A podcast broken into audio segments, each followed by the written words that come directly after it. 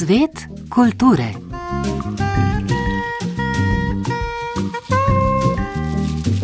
Drage poslušalke, dragi poslušalci, lepo pozdravljeni. Letošnje leto je tudi leto Ivana Tavčarja. Pisatelj nam ni zapustil le brezčasnih del, kot sta naprimer zgodovinski roman Visoška kronika in povest Cvetja v jeseni, temveč je deloval tudi na političnem in pravnem področju. Več o tem, kaj bo leto prineslo, že na začetku današnje oddaje. Na to pa bomo nadaljevali s knjižnimi novostmi založbe Goga.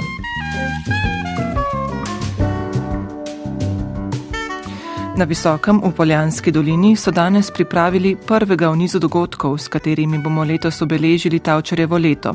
Ob stoti obletnici smrti velikana slovenske literature, pa tudi politika, pravnika in pomembne osebnosti javnega življenja, ljubljanskega župana in predsednika številnih društev. Prispevek Romane Erjavec. Ta vsestranski visoški gospod, ki je zaznamoval slovensko literaturo, politiko, celo šport, pa je v prvi vrsti pravi župan občine Gorenja Vas Poljane zaznamoval tudi svojo Poljansko dolino, kjer se je rodil in preživel svoja zadnja leta. Njegovi rojaki so na njih izjemno ponosni, kar so zadnje desetletje nedvomno dokazali tudi s postopno in temeljito obnovo Tavčarjevega dvorca.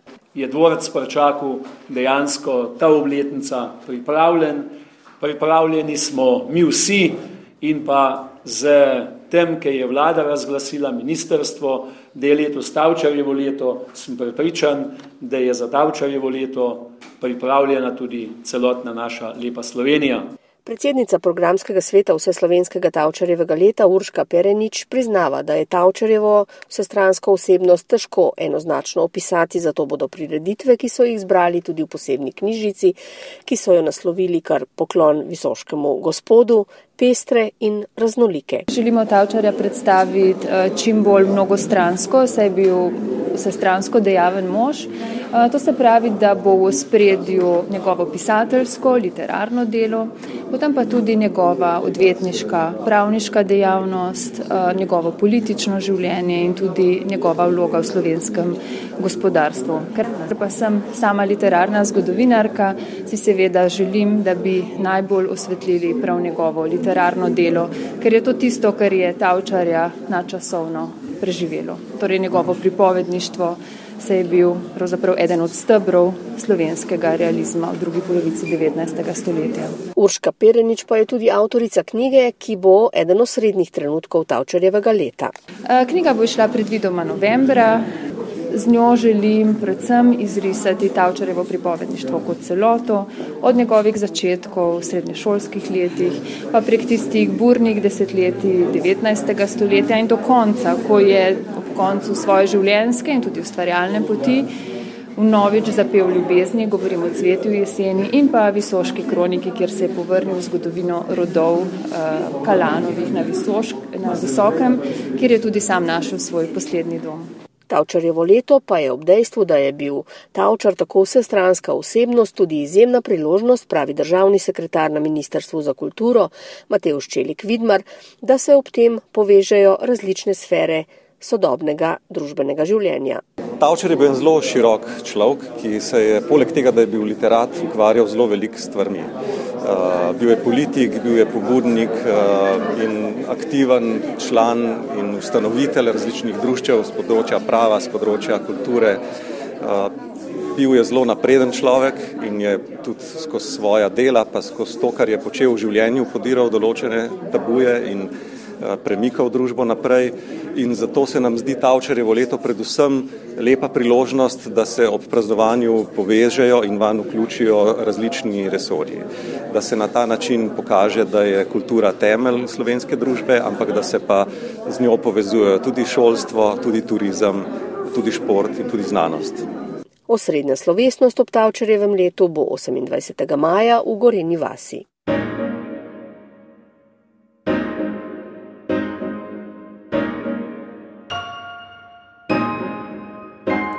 Založba Goga je predstavila nekaj knjižnih novosti. Med njimi so strip Beneška pravljica, Huga Preta, Kodeks 1962 Tvoje oči so me videle islandskega multimedijskega ustvarjalca Siona in zadnje priče Nobelove nagrajenke Svetlane Aleksijevič.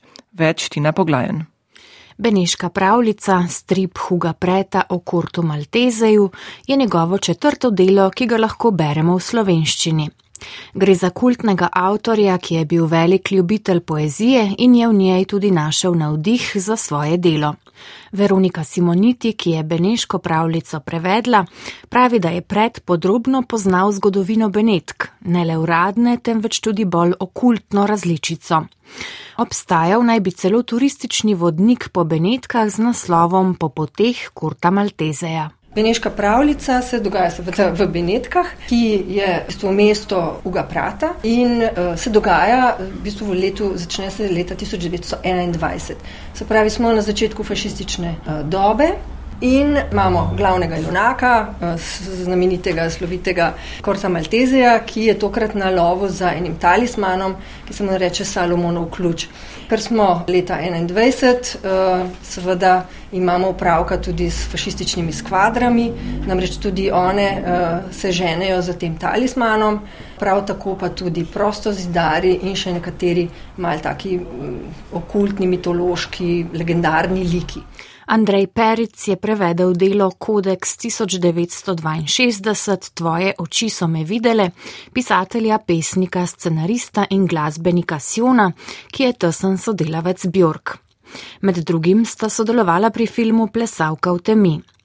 Multimedijskost njegovega dela je opazna tudi v njegovem pisanju.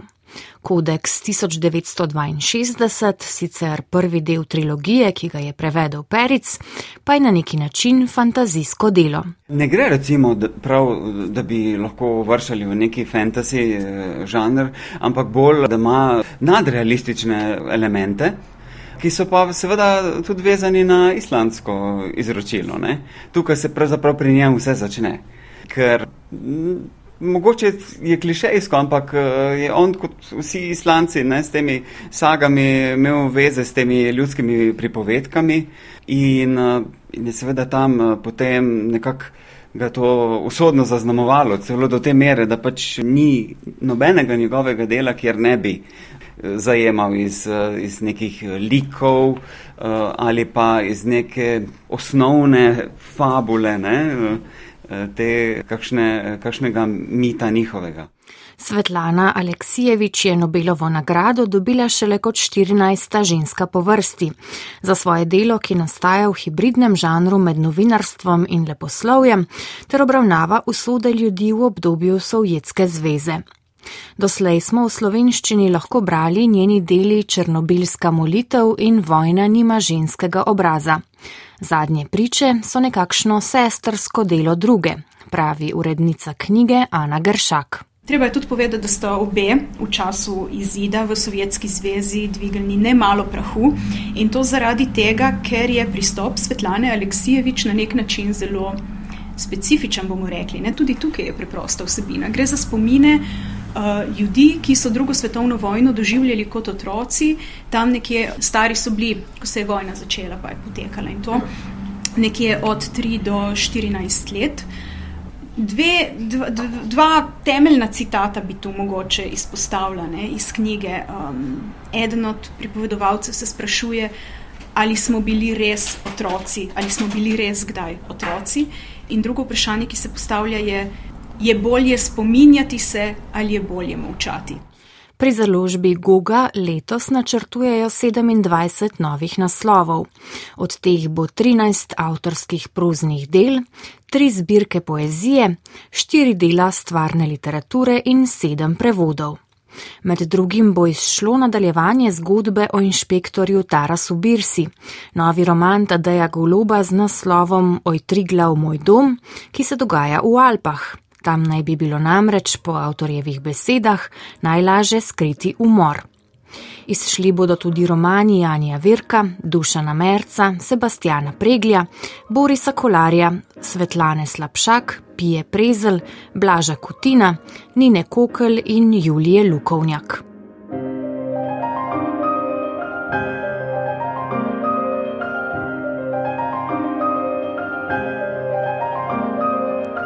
Nocoj bosta v Ljubljani dva solistična koncerta izvrstnih gostujočih glasbenikov.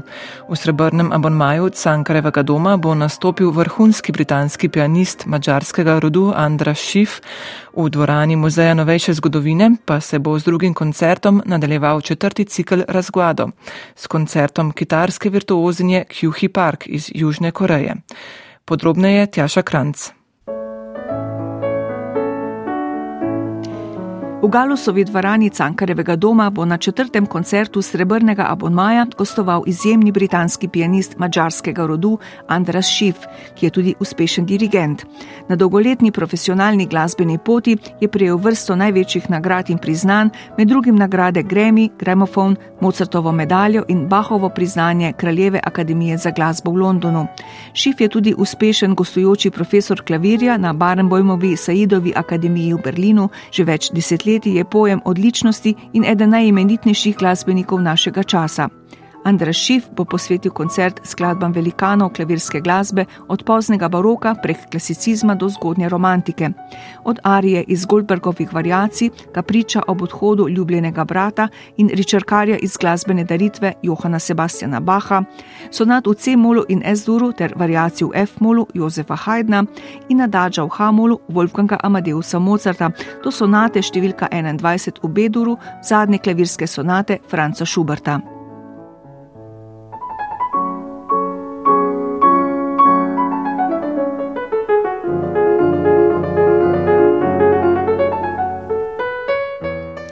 V dvorani Muzeja novejše zgodovine ali v Cekinovem gradu pa se bo z drugim koncertom glasbe za kitaro nadaljeval četrti cikl Razguado. Nastopila bo ena vodilnih kitarskih virtuozin Hyuhi Park iz Južne Koreje, ki je osvojila prvo nagrado na državnem tekmovanju že pri devetih letih. Študirala je v Tokiu in na Dunaju pri slavnem kitaristu in pedagogu Alvaru Pierju. Prejela je vrsto nagrad na uveljavljenih mednarodnih tekmovanjih za kitaro, posnela pet samostojnih plošč, gostuje na največjih festivalih in v dvoranah po svetu, njeni koncerti pa so kritiško odlično sprejeti. V njenem sporedu umetniški vodja cikla Razguado Izidor Erasm Grafenauer. Torej, zelo veseli smo, da bo drugi koncert izvedla ena največjih virtuozin današnjega časa. Torej, v kitarskem svetu je ona zelo dobro znana, saj je osvojila mnoga tekmovanja, na, kot je recimo Alhambra, mednarodno kitarsko tekmovanje, pa tekmovanje v Heinsbergu, pa Augustin Barrios tekmovanje. Tako da je res um, kitaristka na zelo visokem nivoju. Kitaristka Kjuhi Park bo nocoj na prvem koncertu v Sloveniji izvedla pester spored del za kitaro iz Španije, Brazilije in Argentine iz 19. in 20. stoletja. Etido številka 11, opus 6 Fernanda Sora, poetične valčke Enrikeja Granadosa, preludija številka 2 in številka 3, Šoro številka 1 in Etido številka 12, Etorja Vila Lobusa in štiristavčno sonato opus 47 Alberta Hinastere. Na kitaro pa bo zaigrala tudi priredbo priljubljenega Adadžeta iz simfonije številka 5 avstrijskega skladatelja Gustava Malerja.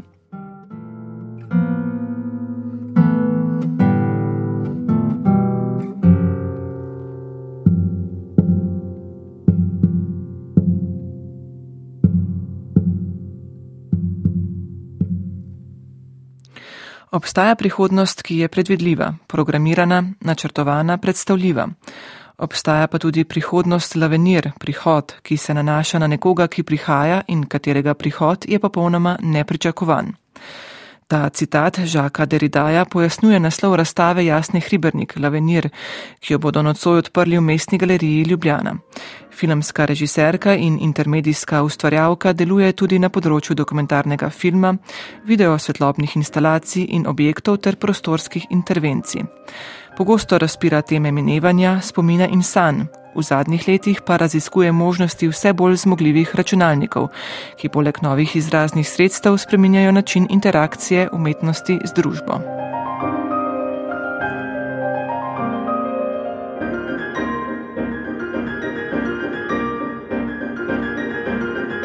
V okviru bolonskega knjižnega sejma otroške in mladinske literature so danes razglasili letošnjo prejemnico spominske nagrade Astrid Lindgren. To je američanka Lori Hals Anderson, ki je znana po nepopustljivem pisanju, s katerim se zauzema za žrtve spolnih zlorab. Je na tistih preživelih, ki se ni pustila utišati in odločno spodbuja spremembe. Njeni liki so brutalno iskreni, je povedala članica žirije Elina Drucker in med drugim izpostavila dela Povej, Krik in Zamrznjeni dekleti, ki jih lahko beremo tudi v slovenščini. V njih pa avtorica obravnava stigmatizacijo žrtev spolnega nasilja, motnje hranjenja, depresijo in borbo. Žirija je v temeljitvi zapisala še, da Lori Hals Anderson daje glas iskanju pomena, identitete in resnice, tako v sedanjosti kot v preteklosti ter da stilistično natančno in z distancirano duhovitostjo raziskuje teme bolečine, anksioznosti, hrepenenja, ljubezni, razreda in spolnosti.